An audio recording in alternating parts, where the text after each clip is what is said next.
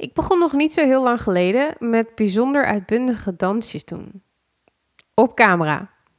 Gepost op Instagram. Als iemand bang was dat mensen haar raar zouden vinden, dan was ik het wel. Maar waarom zou je het dan in hemelsnaam doen? Vraag je je misschien af. Daar gaan we het in deze podcast over hebben. Hoe je zelf zijn online nooit verkeerd kan gaan. Hoe een duidelijk beeld van wie je wilt helpen hier heel belangrijk bij is. En hoe je geen gekke dansjes hoeft te doen, maar juist jouw eigen karakter mag laten zien. Uitbundig of juist niet. Luister je mee? Welkom bij de Purpose Podcast. De podcast waar persoonlijke ontwikkeling en ondernemen samenkomen. En we op zoek gaan naar jouw unieke superpower voor succes op alle vlakken van het leven. Of, zoals Dolly Parton het zegt, figure out who you are and do it on purpose. Ik had het zelf niet beter kunnen zeggen. Ik ben Joyce van joyceline.nl en dit is de Purpose Podcast. Misschien heb je mijn dansmoves wel eens voorbij zien komen in de stories op Instagram en er al honderd gedachten over gehad. Dat kan. Misschien vind je het te intimiderend. Zou ik ook hebben. Omdat je het stiekem zelf ook wel zou willen durven. Maar misschien vind je het ook wel gewoon fantastisch om iemand zo uitbundig en eigen te zien zijn op een platform als Instagram. Maar wat je gedachte ook is, jij hebt ook zoiets. Misschien geen grote liefde voor ongecontroleerde dansmoves zoals ik heb, maar dat hoeft ook niet. Dit is van mij. Dit is typisch mij. Ik doe dit, ik doe dit regelmatig als eerste in de ochtend met mijn grote hoofdtelefoon op. Vanmorgen zelfs nog. Deed ik het in de zon, in de tuin. En mijn man stond te kijken alsof ik gek was. Maar ik vind het heerlijk om te dansen en om even helemaal uit te leven. Het is typisch iets voor mij. Maar waarom zou je dit in godsnaam op Instagram laten zien? Oké, daar wil ik het in deze podcast uh, over hebben. Ik wil daar een zaak voor maken. Ik wil je laten zien hoe waardevol het is om dapper te zijn en jezelf te laten zien in de dingen die nu misschien nog heel spannend zijn. Het begint bij het zoeken naar wat jou nou zo jou maakt. En het eindigt bij jouw dappere poging om iets daarvan te laten doorschemeren. Of gewoon voluit te ownen natuurlijk op social media. Dus waarom? Waarom doe ik dit? Waarom zou jij dit moeten doen? Waar, wat heb je hier aan? Social media is niet alleen voor hen die het hardst schreeuwen of de meeste volgers hebben. Dat is het eerste statement die ik wil maken. Social media is voor mensen zoals jij, die andere mensen zoals jou zoeken. Laat ik die nog een keer herhalen. Social media is voor mensen zoals jij, die andere mensen zoals jou zoeken. Zoals ik met mijn dansmoves heb gemerkt, zijn er mensen die het fantastisch vinden. Maar ik heb ook eigenlijk elke keer als ik zoiets plaats, stevast een paar volgers minder. En dit is precies de bedoeling. Wat er namelijk gebeurt, is dat ik meer connect met de mensen die het wel te gek vinden. En met elke keer dat ik dit post, ik de mensen kwijtraak die ik eigenlijk prima vind om kwijt te raken. Dat klinkt misschien wat hard, maar waar ik mij op focus is de juiste volger hebben, niet de meeste volgers hebben. Ik wil de volger hebben die mij snapt. Ik wil een volger hebben die ook in mijn betaalde programma's en coaching niet staat te kijken van een gek dansje. Omdat dansjes nou eenmaal energieverhogend zijn en gewoon freaking leuk zijn om te doen. En zo typisch iets voor mij zijn. Ik zou mezelf bijna verloochenen als ik het niet zou doen, want dit ben ik. En take it or leave it. Waarom zou ik willen werken met iemand die mij niet kan hebben zoals ik ben? Ik vind dit zo'n heerlijk middel om het kaf van het koren te scheiden. Als het op een Instagram aankomt, dat ik het meer en meer ben gaan doen. Mijn stem laten horen, mijn visie delen, mijn gekkigheden en herkenbaarheden openbaar maken. Ook al moet ik daar een flinke portie zelfspot voor hebben af en toe. Ik kan ook om mezelf lachen. En het heeft nog een fijn voordeel. Als we het hebben over waarom zou je dit doen. It makes me money.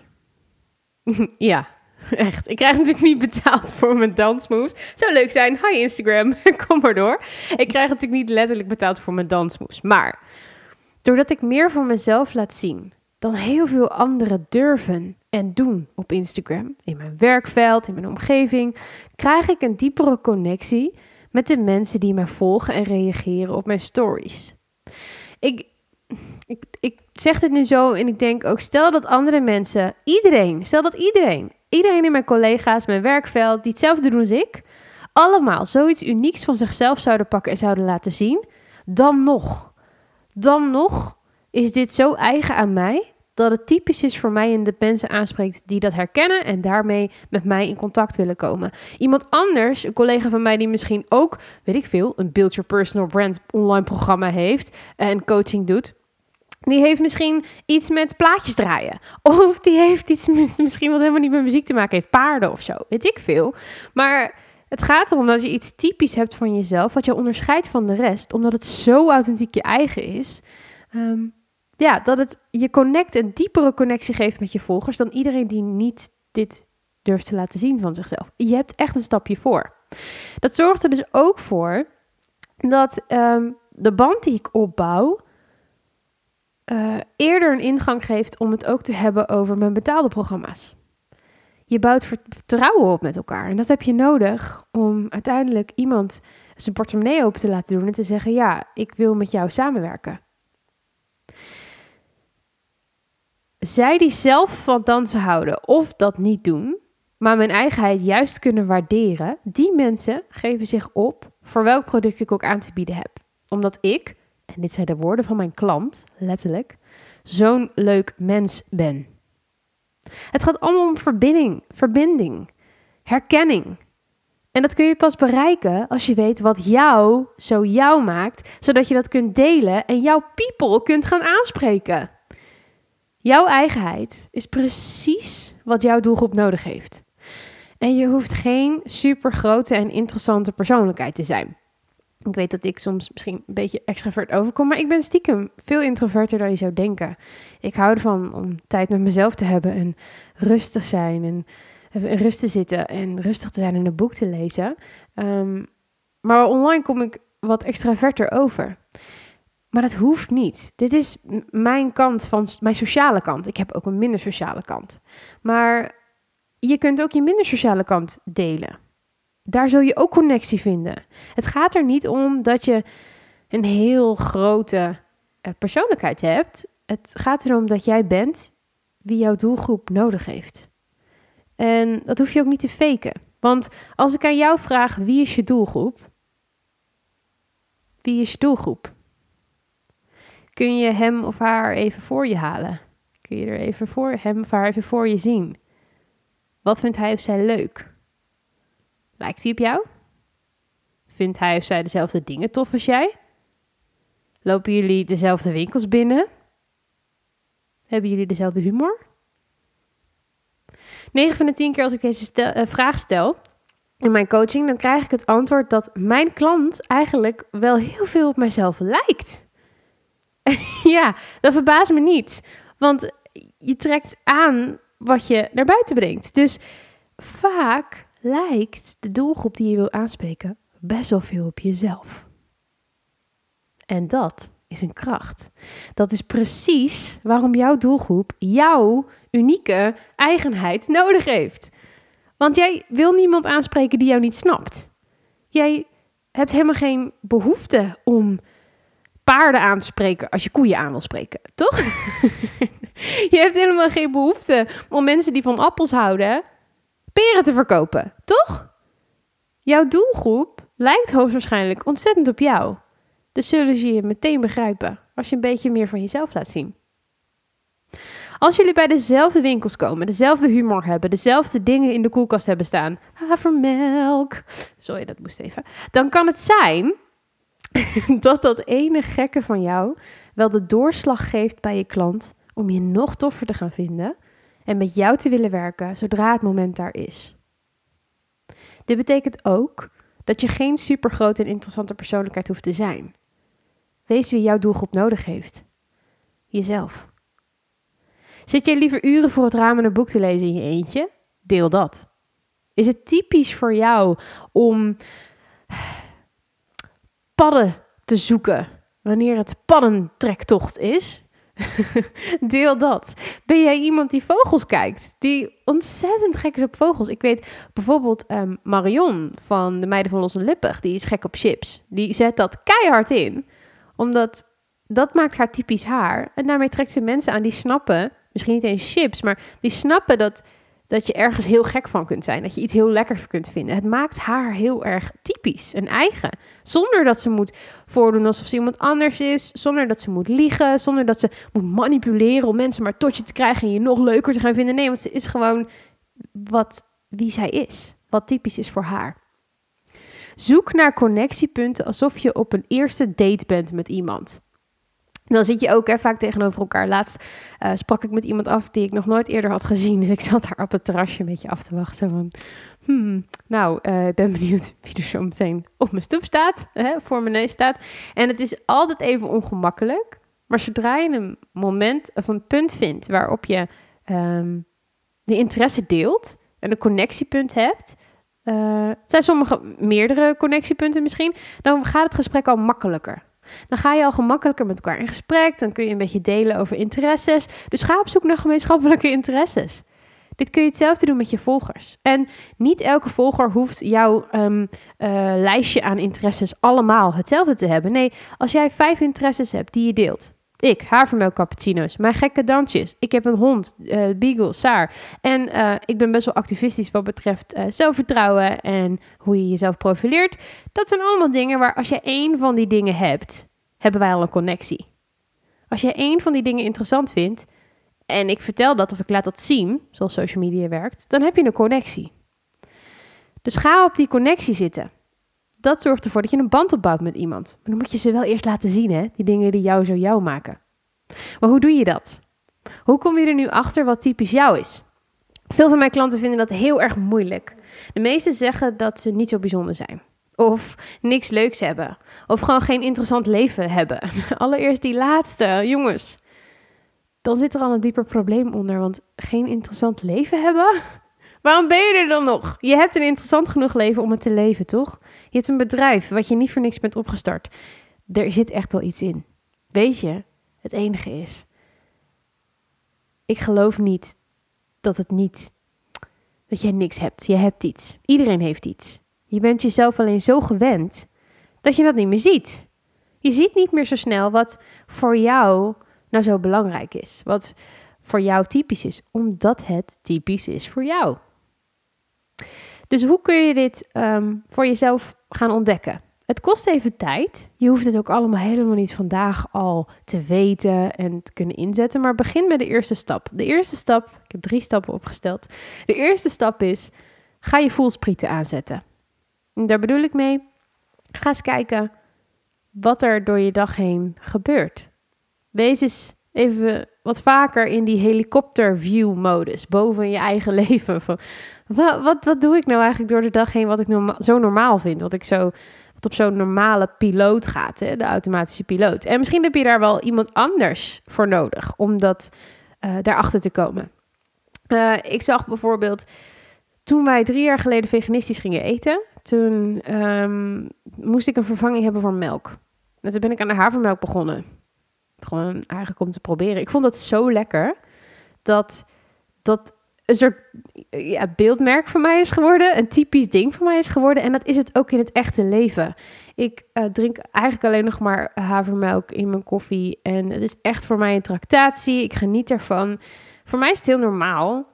En ik moest erachter komen dat dat voor andere mensen lang niet altijd even normaal is. En als je ziet dat je bijvoorbeeld enthousiast vertelt over... ja, ik heb havermelk in mijn koffie uh, in plaats van gewone melk. Of je, je merkt dat je ergens enthousiast over wordt... of dat je ergens passie voor hebt... of dat wil je graag vertellen als je iemand tegenkomt... of een keertje een verjaardag zit of wat dan ook. Dat zijn allemaal punten, allemaal hints voor jou... om eens te kijken, goh, is, dit nou zo'n typisch ding voor mij? Um, het begint met bewust worden. Kijken naar hoe jouw dag eruit ziet... en misschien heb je daar wel iemand voor nodig in je omgeving die zegt, nou, dat is nou zo typisch jij. Als je dit gaat vragen, een kleine waarschuwing aan iemand anders. Um, een kleine waarschuwing voor jou. Zeg erbij dat je op zoek bent naar typische dingen die positief zijn. Het is me wel eens, voorge het is wel eens voorgekomen dat ik deze opdracht aan iemand gaf in mijn coaching. Die liet toen uh, iemand anders feedback geven over wat is nou zo typisch aan jou. En toen kwamen er vooral negatieve dingen uit. Kijk, die dingen hoeven we nu even niet te vinden. Het gaat veel meer om de positieve kanten, de ook wat oppervlakkige dingen. Het hoeft echt niet te gaan over um, ja, je fascinatie voor de, ik, de Europese grondwet. Ik weet niet wat ik daarmee heb. Ik zeg het ook al in een andere podcast. Maar de Europese grondwet. Stel dat je daar een enorme fascinatie voor hebt. Daar kun je met gewoon een lachje, kun je daar een leuk typisch ding van maken. Haha, ja, ik ben, uh, heb een zo'n bijzondere fascinatie voor de Europese grondwet. Haha. Het, hoeft, het mag oppervlakkig zijn. Of in de zin van, het hoeft niet allemaal zo heel zwaar serieus. Uh, als je maar gaat kijken naar wat jou jou maakt. Als ik bijvoorbeeld kijk naar de mensen om mij heen. Gewoon even een greep uit als ik denk aan de mensen om mij heen. Denk zelf ook eens aan de mensen om je heen. Wat maakt jouw familie, gezin nou zo typisch? Mijn man vind ik heel typisch in zijn muziek. Dat is iets wat hij doet. Hij, hij maakt muziek, hij schrijft liedjes, hij kan in één keer een idee hebben. Dan vliegt hij naar boven en dan schrijft hij het op. En dan moet hij het even uit zijn systeem krijgen. En dan komt hij weer naar beneden. Dat is typisch iets voor hem. Dus stel dat hij nou hetzelfde zou willen doen als wat ik doe met mijn dansjes. Hè? Stel dat hij nou een merk zou willen bouwen om, zijn, om zichzelf, dus om zijn bedrijf heen. Ik zou dan zeggen, elke keer als hij zo'n moment heeft van het opnemen van een liedje, of er komt een nieuw liedje in zijn hoofd, neem het op. Wees je bewust van het feit dat je dit doet, zodat je het kunt gaan inzetten. Oké? Dat is een voorbeeld. Oké. Stap 2 is ownen wat je ziet gebeuren bij jezelf. En dat is nog best wel eens lastig. Dat je gaat ownen en gaat onderstrepen dat dat van jezelf is. En dat je dat um, wilt gaan delen. Um, het gaat vooral om acceptatie. Acceptatie dat. Ik moest er ook echt even overheen. Het was best wel een drempel voor mij om te gaan dansen voor een camera. En ook nog soms bij te playbacken. En um, dat moeten mensen dan leuk vinden of zo. ik bedoel, die dingen kunnen allemaal in je hoofd opkomen. Zo van, ja, dat is wel typisch ik, maar ga ik echt niet delen. Ik probeer dan altijd te denken aan, wat kan het een ander opleveren? Wat kan ik met dit stukje, wat typisch mij is, meegeven aan een ander? Het hoeft echt niet altijd. Zoals mijn havermelk cappuccino's is een leuke tip. Maar dat is meer gewoon een stukje vermaak en entertainment in, in het geheel van mijn merk. Um, maar mijn dansjes bijvoorbeeld heb ik gekoppeld vaak aan een boodschap, een motiverende woorden, iets wat ligt, waar ik mee kan helpen, zodat het en vermakelijk wordt, maar ook iets meegeeft. Dus daar kun je ook naar zoeken als je het moeilijk vindt om dat typische van jou, als je dat eenmaal gevonden hebt, hè, in stap 1, om dat te gaan uiten en te gaan ownen. Om dan te denken, als het moeilijk is, kan ik er iets, kan ik er impact mee maken? Kan ik er iets mee betekenen? kan ik er iets aanhangen, een manier verzinnen waarop dit en leuk is om te delen en ook nog nut heeft. Nou, en dan is stap 3 manieren vinden om dit alles met iedereen te delen. Dus stap 3 is manieren vinden om het te delen. En dat kan zijn dat je eerst gewoon een lijstje maakt met de dingen die jij gaandeweg, kan best wel een paar maanden duren voordat je een hele lijst hebt, maar uh, dat je een lijstje maakt met dingen die typisch jou jou maken die heel uh, eigen zijn voor je. En als je daarachter bent en je hebt het lijstje staan, dat je dan eens gaat, uh, dat je ergens ophangt, dat je hem regelmatig ziet. En dat je dan eens um, gaat nadenken de volgende keer dat je een content, iets van content schrijft. Dus een podcast, een blog, een stories maakt of wat dan ook. Als dat moment voorbij komt in je dagelijks leven, dat je dan even stilstaat en hem herkent. Dat je denkt, hey, hey, dat, is weer, dat is weer dat ene van dat lijstje. Kan ik er nu iets mee doen voor social media?